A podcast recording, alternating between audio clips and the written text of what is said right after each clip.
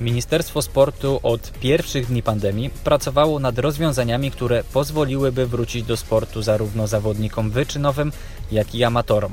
Prace nad nowymi rozwiązaniami cały czas trwają. Limity uczestników będą uzależnione od sytuacji epidemicznej w kraju. Oczywiście ewentualne zwiększenie limitów będzie uzależnione od decyzji głównego inspektora sanitarnego. Ministerstwo Sportu jest otwarte na dialog, jak i głosy różnych środowisk.